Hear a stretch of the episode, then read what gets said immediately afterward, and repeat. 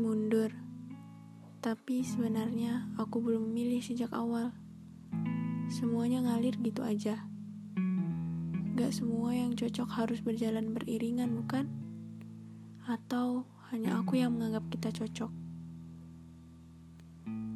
Aku udah gak mau lagi terlalu berharap kepada seseorang yang bahkan aku gak tahu dia menaruh harap kepadaku atau enggak.